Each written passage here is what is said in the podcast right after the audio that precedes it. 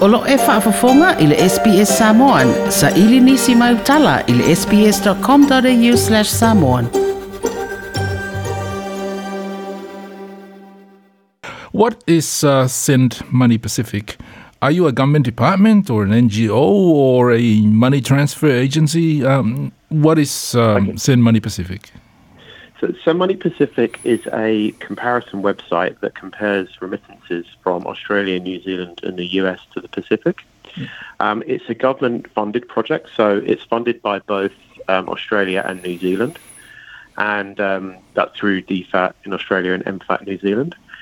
And um, we've been, uh, my company DMA, we have uh, developed and have been managing the, the website for the government since 2008. Oh, sorry, sorry, I should say 2009. It was early 2009 it launched. Can you give us a rough um, estimate of how much Pacific Islanders remit to the islands every year if you um, monitoring it? Um, well, hundreds of thousands.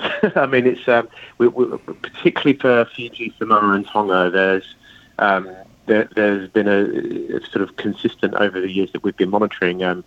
Uh, you know, majority of, of households would, would be remitting back home.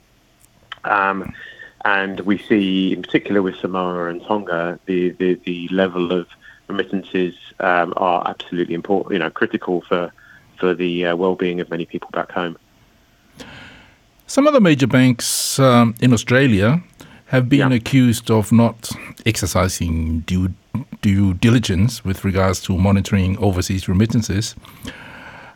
Is your uh, is Send Money Pacific involved in any of that kind of monitoring? Yeah. So so what we do, we we are um, as a comparison website um, that is uh, government supported and, and, therefore not commercial. Um, we we are sort of right in the middle of um, the remittances landscape. So we we um, are in regular contact with the industry, um, both the money transfer operators and the banks.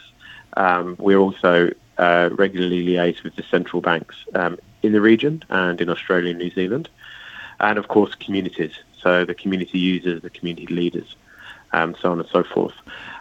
so when it comes to the um, issues that we've seen where there has been sort of accusations of, of, of sort of, uh, of, issues with due diligence, um, uh, our, our, role is basically to, to sort of provide information for every company that is legally allowed to provide services.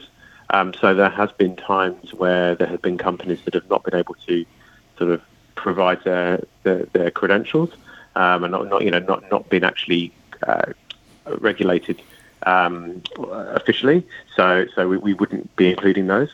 How well regulated is this industry of money transfers? From Australia, it's actually very well regulated. So the, the, the regulator in Australia is AUSTRAC, um, and they are probably amongst the, the, the, have the most tightest regulation of any um, government regulator around the world. Um, which is good in the sense that this means, of course, that for the for the remitter, there is there is a lot more um, uh, sort of faith that people can have in the services that they are using. Um, the, the, the AUSTRAC, they maintain a register, a remittance sector register. Um, so if a customer um, of a company um, feels that they are sort of need some sort of clarification or you know or comfort that the company they're using is good to use, um, they can look at the, um, the, the register and see if their details are on there. Then um, then they're good and they they're authorised. I should add as well that with Send Money Pacific, every company that's listed on the website is approved by AUSTRAC. Jonathan, how has money transfers to the Pacific Islands been affected by the COVID 19 restrictions that we are now living under? So, what we've seen in Australia so far um, has been a a, a, sort of a, a, very sort of rapid response from companies to recognizing um, the fact that people may, for example, not may may either not be able to go to the regular agent that they've gone to because they might be closed um, temporarily, see with the, with the restrictions, um, or, or, even if they don't actually legally have to close, it's um, sort of become financially difficult for some agents to open. Um, but fortunately, what we've seen is that for the most part, most companies have been able to remain uh, to keep agents um, and branches open. Um, however, what uh, most companies are recommending at the moment is where possible, if they have an online service, so a service that can either be um, via a mobile app or, th- or, or through a website, um, and and can in, and include either online deposits from a bank account or credit or debit card. Um, they're, they're, sort of encouraging people to use that just because of um, obviously it's, in, it's kind of maintaining more isolation and also ensuring that people are not handling cash so much.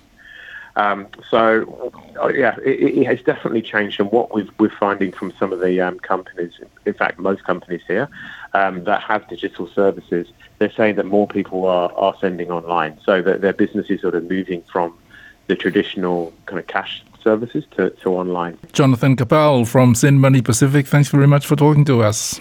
Thank you. Thank you for having me. Toi fia whaafafonga i nisi tala whaapea? Whaafafonga i le Apple Podcast, le Google Podcast, Spotify, ma po o whea lawa e mawailau podcast.